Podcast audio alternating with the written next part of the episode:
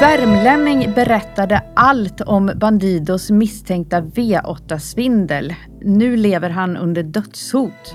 Tyson låtsades vara underklädesmodell, våldtog sedan tonårsflicka på hotellrum. Jag heter Åsa Asplid och du lyssnar på NVT Krim, en podd om värmländska brott. I den här podden tar jag och NVTs reporter Nicole de Bourchan med dig som lyssnar bakom kulisserna till Värmlands undre värld. Det här är en podd om kriminalitet och brott, men också om människoöden. Och idag är vi själva här, Nicole. Mm. Caroline tar en paus under några veckor, men eh, vi klarar väl vi det här bra ändå. försöka. Då ska vi börja med nya uppgifter om sommarens mycket uppmärksammade bilstöld, där en man försvann med en Volvo V8 från en bilfirma i Molkom. Det har nu visat sig att det är en komplicerad härva där kriminella mc-gänget Bandidos misstänks ha tvingat en 33-årig värmlänning att stjäla exklusiva bilar för att på så vis betala av en påstådd skuld. Värmlänningen har berättat en rad detaljer i förhör med polisen, vilket gjort att han lever under så stort hot att han kan tvingas byta identitet.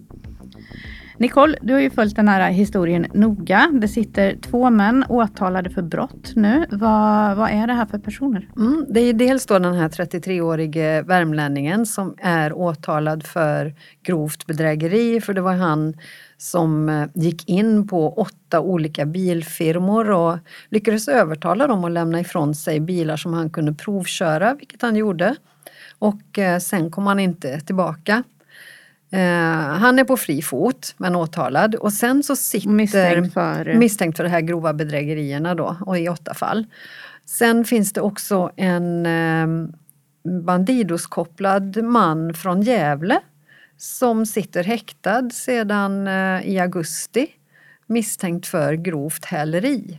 Och han, eh, det är lite oklart om han är fullvärdig medlem i Bandidos eller om han eh, tillhör mm, X-team som ju är deras stödgrupp. Men hur avslöjades hela den här härvan då? Det började med att de, en bilfirma i Molkom ringde till polisen och berättade att de just hade haft eh, besök av en väldigt trevlig man som hade provkört deras, den här speciella Volvo S80 då som har en V8-motor i sig.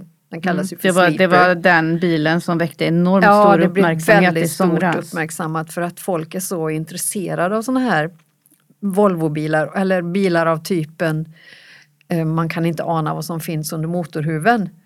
Eh, så det blev stort uppmärksammat. Och eh, vi skrev ganska mycket om det också. Och sen mm. visade det sig att ja, det, det var inte den enda bilen som försvann på exakt samma sätt. Och vid varje tillfälle så hade den här trevliga mannen då visat upp sitt körkort i mobilen visserligen, men han hade identifierat sig som sig själv. Men polisen fick inte tag på honom? Nej, det fick de inte för han var ju mm, ute, han var inte hemma helt enkelt utan ute och då hämtade upp eh, nya bilar då. Men sen, det blev en utveckling sen ja. efter ett larm om någon mystisk man på Rud i Karlstad? Ja precis, för att då, då fick polisen, eh, det var ju helt enkelt så att den här Bandidosmannen kan vi väl kalla honom för då eftersom han har kopplingar dit och det är han väldigt öppen med. Mm. Ehm, Bandidosmannen blev, eller det var så här att det ringde en kvinna på Rud, det var den 9 augusti och hon ringde till polisen och sa att det är en, en man som bär sig lite konstigt åt här. Han står utanför vid en, en vit bil och han kastar grus på fönsterrutor. Um, så polisen åkte faktiskt dit Eh, och då hittade de eh, den här mannen eh, som fick panik tydligen för han slängde sig i den här vita bilen, en Audi och försökte köra därifrån men istället lyckades han krocka med polisbilen som just hade kommit dit. Så det blev tvärstopp och då eh, låste han dörrarna i bilen och kastade sig i baksätet. Lite irrationellt kan man tycka men så gjorde han ja. och eh, vägrade öppna dörren dessutom när polisen knackade på rutan väldigt annorlunda beteende. Men, ja, fast det, ja. det är väl så man brukar göra när man åker fast och vet, när polisen vill stoppa en och man vet att man har druckit eller tagit narkotika, vilket han hade gjort då. Men eh, eftersom polisen såg hela händelseförloppet så var det ju kanske lite overkill. Ja, men hur som helst så när de fick tag ut honom ur bilen så kunde man konstatera att det fanns en koppling till de här tidigare stulna bilarna. Ja, för då kunde man ju se att den här vita Audin som han satt i, att den var en av de här åt, nu sammanlagt tror jag åtta bilarna som hade stulits, eller inte, egentligen inte stulits då, det kallas ju inte stöld, men tagits vid de här provkörningarna. Och då, då bilen var liksom efterlyst helt enkelt. Mannen greps på plats mm. och eh, häktades sen. Där kunde polisen även koppla honom till mannen som misstänks ha ha hämtat ut alla de här ja, bilarna från bilfirmorna. Där skedde väl en koppling. Dels så tog man ju hans mobiltelefon i beslag och sen tror jag faktiskt att man hade ju koll på att den mannen, då, värmlänningen, 33-åringen, hade varit inne och hämtat ut den här bilen som var efterlyst. Så på så sätt kunde man ju koppla ihop värmlänningen och den här Bandidosmannen. Och det ledde sedan till att värmlänningen själv kontaktade polisen? Om jag ja, först så anhölls han i sin frånvaro dagen på den 10 augusti och eh, sen eh, fick han veta av en anhörig som hade blivit kontaktad av polisen att han var efterlyst. Och då traskade han själv faktiskt in på polisstationen här i Karlstad och, och anmälde sig själv. Mm. Och då blev han gripen och anhållen och häktad han också. Och vad är det han har berättat i förhör? Sen? Ja, alltså det verkar nästan som att han var lättad över att, att bli omhändertagen av polisen och satt i tryggt förvar. Först då i polisens arrest och sen på häktet. Därför att eh, den historien som han eh, presenterade i polisförhör den var ju Eh, lång och väldigt eh, ja, märklig alltså. Det låter som en deckare nästan. Det började med att han hade fått inbrott. Nu, nu, nu ska vi säga så här att det här är hans berättelse. Jag, jag kan inte... Nej, jag vet men inte vi, vi, men du, så här du redogör han. för vad han ja, har berättat i förhör, i om, om vad som har ja. hänt då enligt honom. Precis. Och då, börj, då börjar den här historien redan i början på juni. Ja, under försommaren någon gång med att han får inbrott i sin lägenhet och eh, då blir han av med tio hårddiskar. Enligt advokaten, hans advokat, så är han någon typ av datanörd så han, han hade tio hårddiskar hemma. Men de blev han av med. Så det hände i början av sommaren och eh, ett tag efter det här så var han hemma hos en tjejkompis och fikade. Eh, och där fanns också två för honom okända män men som också var där och fika. De var kompisar med, med tjejen. Hans. Ja. ja och mm. då ja, de satt väl och snickesnackade och han berättade om det här inbrottet. Och eh, de här två männen, de lyssnade ju jätteintresserat på det här och sen kom han också in på att berätta en eh, något som han ja, presenterar som nästan en, ja, en sån här bra story som man kan dra när man sitter med kompisar. Och det var att han, han hade sysslat mycket med bitcoins, det är ju någon typ av digital valuta. Och han köpte på sig det här redan 2014, då var det inte värt så mycket men sen steg de här, de här, den här valutan kraftigt i värde och nu var den värd en och en halv miljon. Och det var ju intressant. Eh, det var, fanns bara en hake i det här som han, jag tror att han också då berättade och det var att han inte längre kunde komma åt valutan eller pengarna eller vad vi ska kalla det för, bitcoinsen. Um, ja, så då, då var det liksom avslutat. Det, det var storyn? Ja, det var storyn. Ja. Eh, men när han sitter där och snackar och berättar för de här, den här tjejkompisen och de två männen så, se, så vänder en av männen på sin mobiltelefon berättar han och då så ser han att det står, han har väl någon, jag vet inte om han har ett klistermärke men det står i alla fall Bandidos på mobilen. Mm. Och då känner den här värmländska 33-åringen att aj, aj, det kanske inte var så bra att berätta det här för just de här killarna. Och det skulle visa sig då att eh, han det hade fått rätt. Nej, precis. För det dröjde inte många dagar förrän um, han fick påhälsning av två, de här två. De kom hem till hans bostad? Ja, de kom hem till hans, egentligen också till anhörigas bostad faktiskt. Och alla, både anhöriga och han själv har berättat ganska samstämmigt att de försvann, åkte iväg. Och det visade sig då att de här Bandidos-killarna tog med honom ut i skogen i Arvika-trakten. Och eh, där dök också en tredje man upp, en vältatuerad kille som inte såg jättetrevlig ut som han beskrivit det. Mm. Men vad, vad ville de då? Ja, då sa de så här att eh, vi vill ha hälften. Vi hjälper dig att fixa tillbaka dina eh, hårddiskar om vi får hälften av värdet på dina bitcoins. Och, Men var de medvetna om att han inte kunde komma ja, i kontakt med det, sina bitcoins? Jag vet inte riktigt faktiskt men eh, det, jag tror ju att han, åtminstone om han berättar storyn så som han hade berättat den för många andra tidigare så var ju det liksom någon typ av eh, poäng med hela historien att han inte kom åt dem. Mm, de trodde men, kanske inte på den delen? Nej, de kanske ändå var optimistiskt lagda så att de en, hoppades att han skulle kunna komma åt de här, den här valutan. Ja, och innan han visste ordet av den här värmlänningen, säger han, så hade han liksom tagit i hand med de här bandidosmännen på den här dealen då inom citattecken.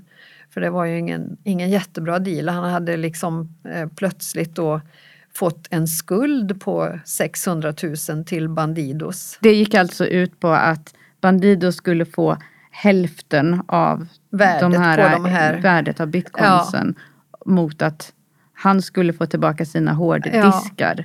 Och han fick och, tillbaka två hårddiskar. Och sen hände ingenting mer. Och sen så, så säger han att han eh, mer eller mindre hölls fången under flera dagar och, och vaken dessutom. Någon, någon, typ av tortyr nästan, där han inte fick sova, där han hotades flera gånger med en kniv, en köttyxa. De pratade om att hugga av honom fingret för att kunna eh, identifiera, alltså använda för att identifiera, öppna hans telefon med. Så det var liksom en helt surrealistisk situation för honom, säger menar han. Han fördes mellan ett hus i Vålberg och någon lägenhet på Rud och sådär. Och under tiden så utsattes han då för de här påtryckningarna. För att de ville då att han skulle uppge det här lösenordet ja, som han menar på att han ja. inte har längre. Ja. Och som han jag, uppriktigt tror, tror jag inte har tillgång till. Ja. Men, eh, Hur slutade det här? Ja, det slutade ju med att eh, Bandidosmännen till slut fick eh, ge upp den här idén om att, att lösa ut de här bitcoinsvalutan. Eh, och istället så kom de upp med en annan idé som, som den här värmlänning sa var, skulle ge snabba cash. Och det var då den här bilaffären, att han värmlänningen skulle gå in, prata till sig bilar och eh, sen lämna över det till den här Bandidosmannen från Gävle som i sin tur då skulle eh, sälja vidare de här bilarna. Och hur många bilar skulle han behöva? Ja, han skulle ju då behöva hämta hem 30 eh, bilar därför att han skulle få eh, alldeles få. Han skulle, hans skuld skulle skrivas av med 20 000 per bil som han tog hem till den här Bandidosmannen då. Så det hade ju, han hade behövt ligga i kan man säga. För han hittade, eller han tog ju sex, åtta bilar innan det här kraschade då. Men det, det här att sälja vidare de här bilarna gick inte särskilt bra för den här Nej, Bandidos? alltså alla bilarna eh, Upplägget var så, han gick in, eh, hämtade bilen, körde den en sträcka och parkerade den och sen skulle Bandidosmannen hämta.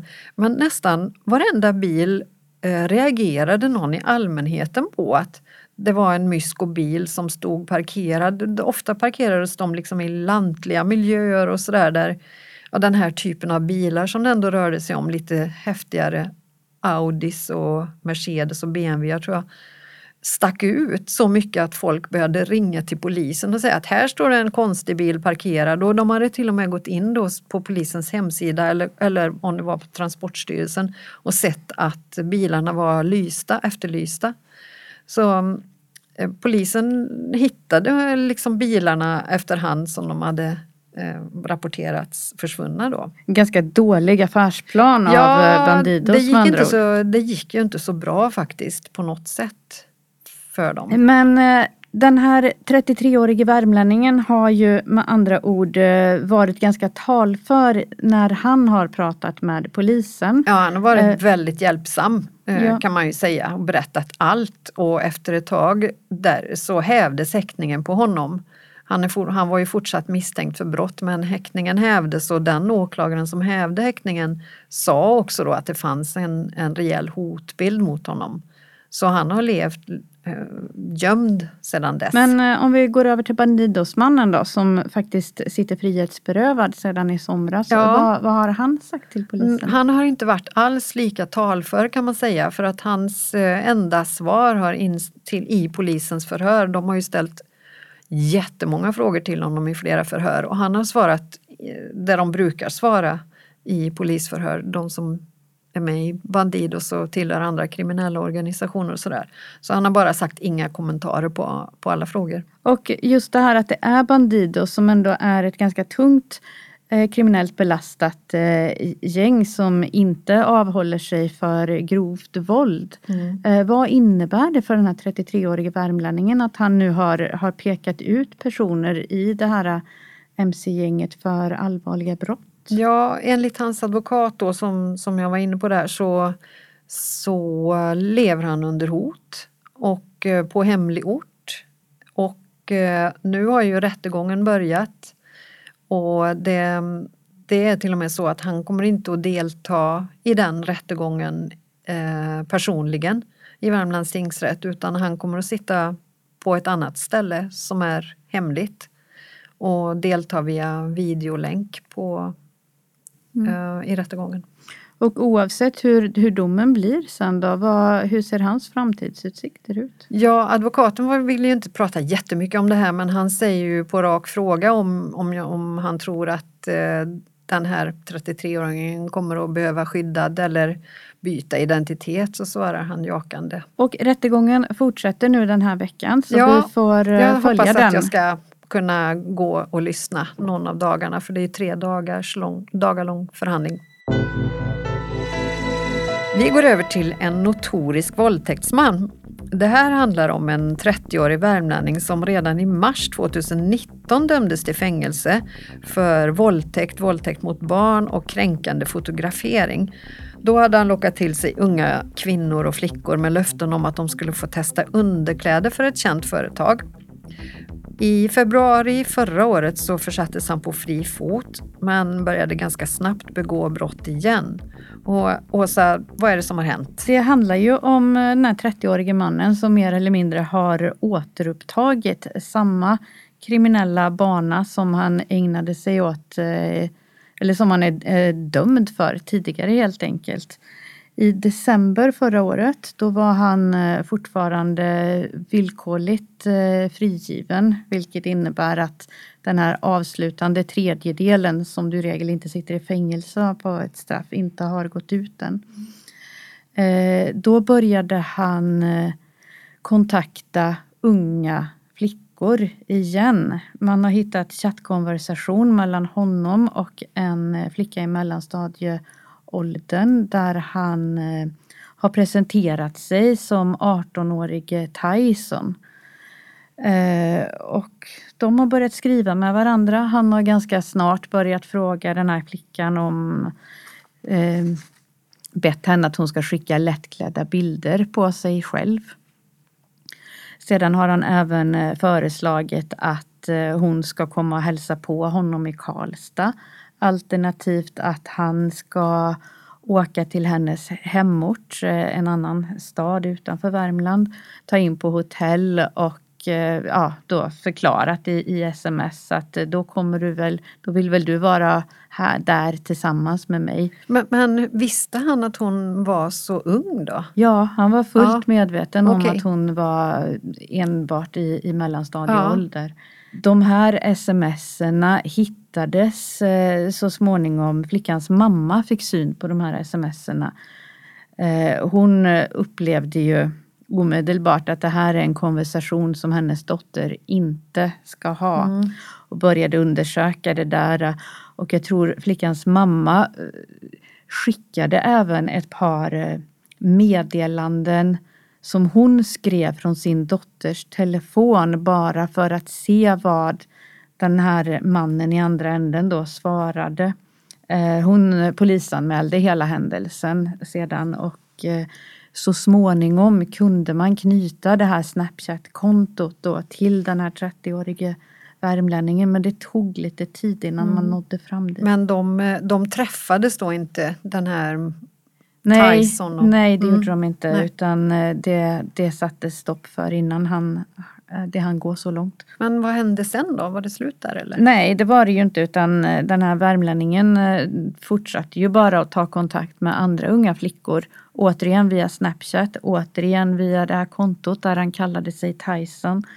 Eh, så han började skriva med en annan flicka i mellanstadieåldern, hon boende på en ort i, i Värmland.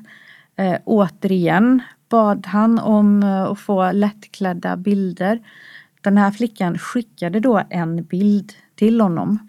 Eh, han började tjata om fler bilder.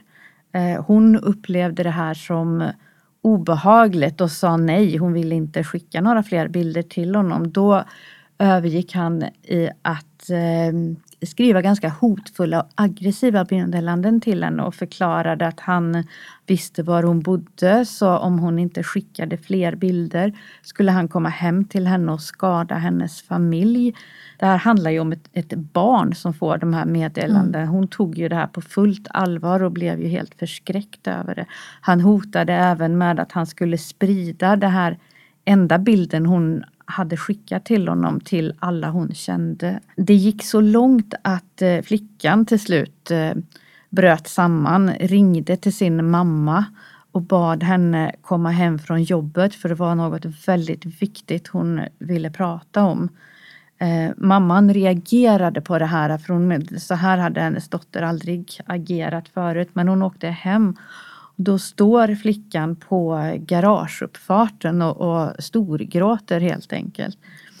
Och sen eh, berättar hon vad, vad som har hänt då. Så mm, föräldrarna polisanmäler den här händelsen eh, på direkten och, och det inleds en utredning och så småningom lyckas man koppla även det här Snapchat-kontot som den här flickan haft kontakt med. Då, det, det blir ju kopplat till den här 30-årige värmlänningen också. Så nu, nu är han anmäld för två olika brott mot två olika mellanstadieflickor då? Ja, Men han blev inte häktad nu? nej, eh, här, den här frågan har jag ju ställt till åklagare Katarina Ström Lindberg. Hur kom det sig att, att mannen inte häktades? Det är ändå två allvarliga brott och med tanke på att han är dömd för liknande brottslighet så, så fanns det inte skäl här då att faktiskt eh, frihetsberöva honom på nytt. Men hon menade på att i det här läget så hade man inte tillräckliga bevis mot mannen. Han togs in för förhör någon gång i juni innan midsommar. Blånekade ju naturligtvis till, till alla de här anklagelserna. Eh, samtidigt gjorde man husrannsakan i hans bostad där man tog med sig dator och eh, två olika mobiltelefoner som man sedan skickade till eh, NFC, Nationellt forensiskt center, för att få hjälp att, att gå igenom och analysera.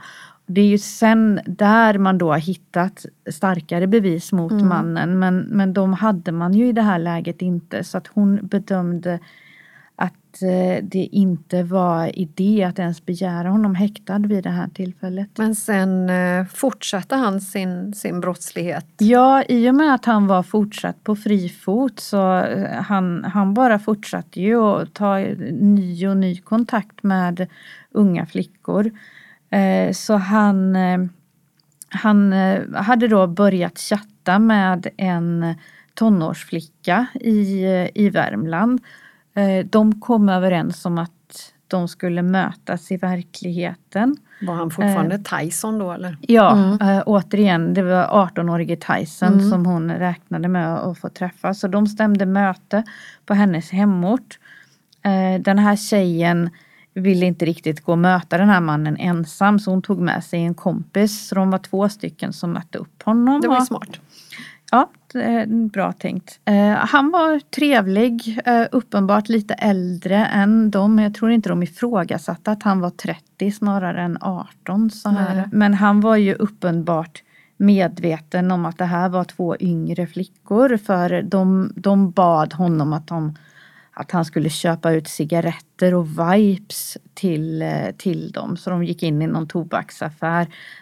Men där reagerade ju eh, innehavaren i affären på att den här mannen ska bara köpa ut till de här Mm. unga tjejerna så de fick inte handla någonting. För man måste vara 15 för att köpa ut så han visste. Jag tror att de måste vara 18, 18 för att köpa till och med? ut. Ja. Till och med. Okej. Men eh, ja, de gick vidare, satte sig och snackade lite grann. Han berättade då att han jobbade som underklädesmodell för eh, Calvin Klein, det här kända underklädesmärket. Och eh, att han eh, skulle ju behöva ta, ta nya bilder eh, som modell då. Men det var ju lite krångligt för han hade ju ingen fotograf nu riktigt. Och det, det skulle ju behöva göras ganska så snart det, det ledde till att eh, den här flickan som man då initialt hade skrivit med under en längre tid, hon, eh, hon var upptagen med annat så hon sa liksom att ja, men jag, jag måste iväg så här. Mm. Men hennes kompis då sa ju att hon skulle ju ändå in till Karlstad under eftermiddagen så,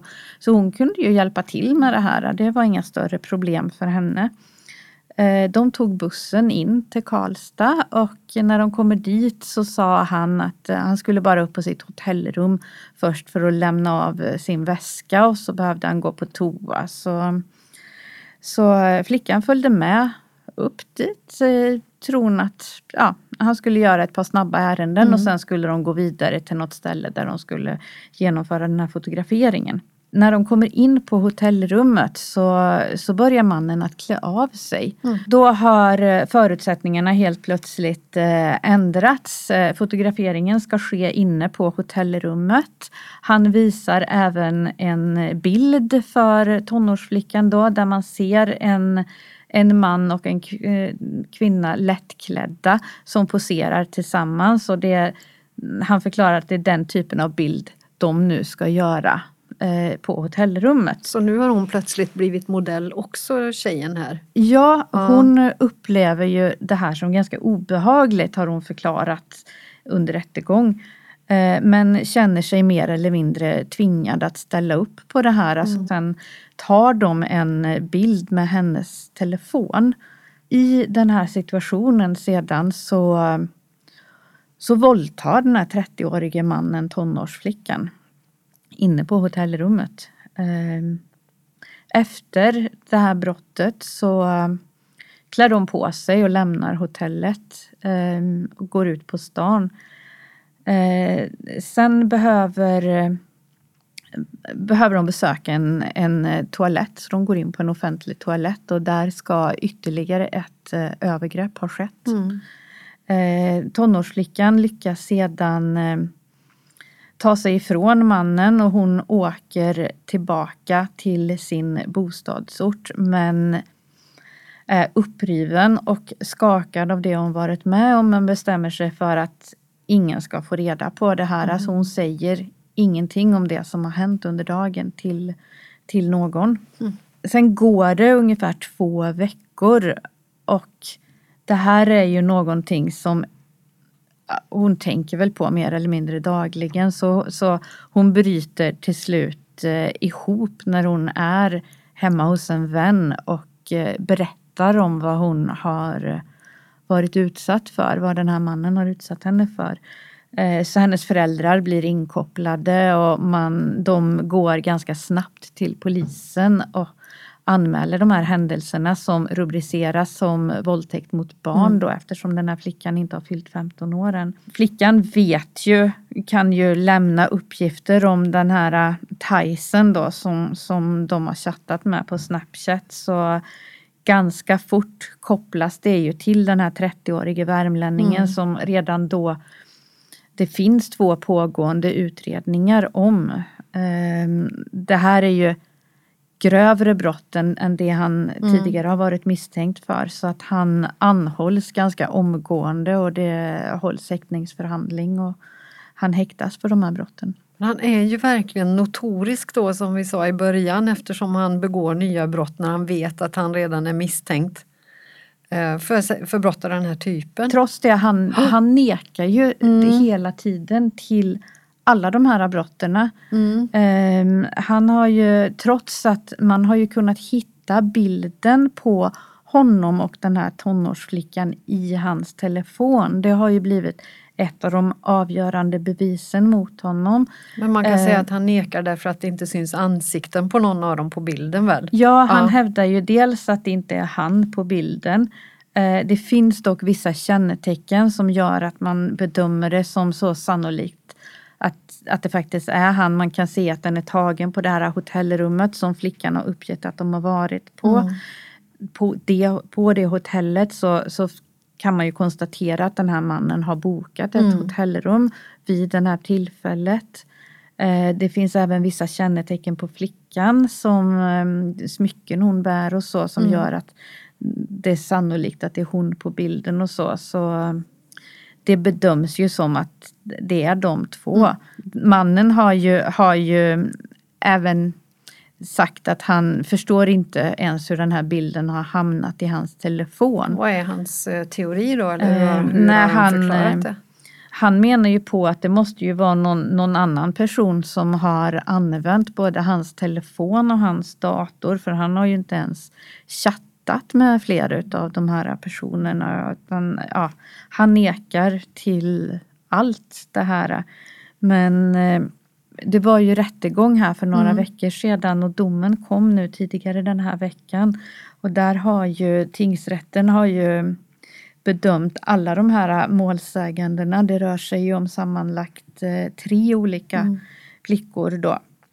De, de upplever ju deras berättelser som väldigt trovärdiga och, och menar ju på att de bevis som finns av chattloggar och bilder och sånt här eh, gör att man eh, anser att den här mannen är skyldig till de här Mm. brotten. Så han dömts till fyra års fängelse för två fall av eh, våldtäkt mot barn, ett eh, utnyttjande av barn i sexuell posering och ett eh, grovt utnyttjande av barn för sexuell posering. Så det är en ganska, ganska långt fängelsestraff Mm. han har fått. Och då har man ju även tagit i beaktande att han tidigare har dömts för Ja. samma typ av brottslighet. Han kommer förmodligen att överklaga eftersom han har förnekat brott eller? Ja, det, det tror jag är ganska Mm. sannolikt att, att det kommer bli en vända i hovrätten också. Mm. Och då kommer vi naturligtvis följa hur, hur den domen blir. Ja, då går vi över till våra fasta inslag här. Vi börjar med veckans Molgan som handlar om en grävling den här veckan, Nicole. Vad, vad är det här för något? Ja, det är en grävling som lett till ett grovt vapenbrott kan man säga. Det är en man som eh, Ehm, ertappades av polis med en ehm, halvautomatisk pistol hemma, en Beretta. Och eh, han förklarade att han hade den därför att han eh, under en längre tid besvärats av en eh, illvillig grävling som hade slagit bo under hans hus. Och eftersom han har katt så var han rädd att grävlingen skulle ge sig på katten. Men eh, tingsrätten säger att det spelar ingen roll varför man har skaffat ett eh, vapen när man inte har licens för det. Så han döms faktiskt till två år och en månads fängelse för grovt vapenbrott och så lite narkotikabrott också. Ja, okej. Dålig idé att Ja. eh, skaffa ett olicensierat vapen för att För skjuta, att skjuta en, grävling. Och sen har vi ytterligare en, en våldtäktsman som eh, vi pratar om i veckans dom. Eh, för Åsa, du vet mer om den här. Ja, det rör sig om en eh, värmländsk tatuerare som har eh, förgripit sig systematiskt på kvinnliga kunder som har vänt sig till honom för att bli tatuerade.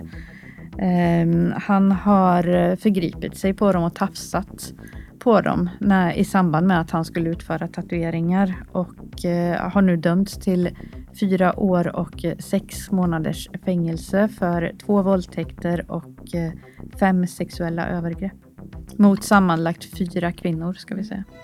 Det var allt för oss. Tack så mycket för att du har lyssnat och glöm inte att gå in och prenumerera på den här podden så du inte missar nästa avsnitt och eh, tipsa gärna en vän om att vi finns. Vill du diskutera podden eller komma med tips på vad du tycker att vi ska prata om kan du skriva till oss i vår Facebookgrupp som heter NVT Krim. Jag heter Nicole Dubuchan. Du har också lyssnat på NVTs krimreporter Åsa Asplid. Klipper podden gör Karl Edlom som även står för ljud och jinglar och ansvarig utgivare är Mikael Rotsten.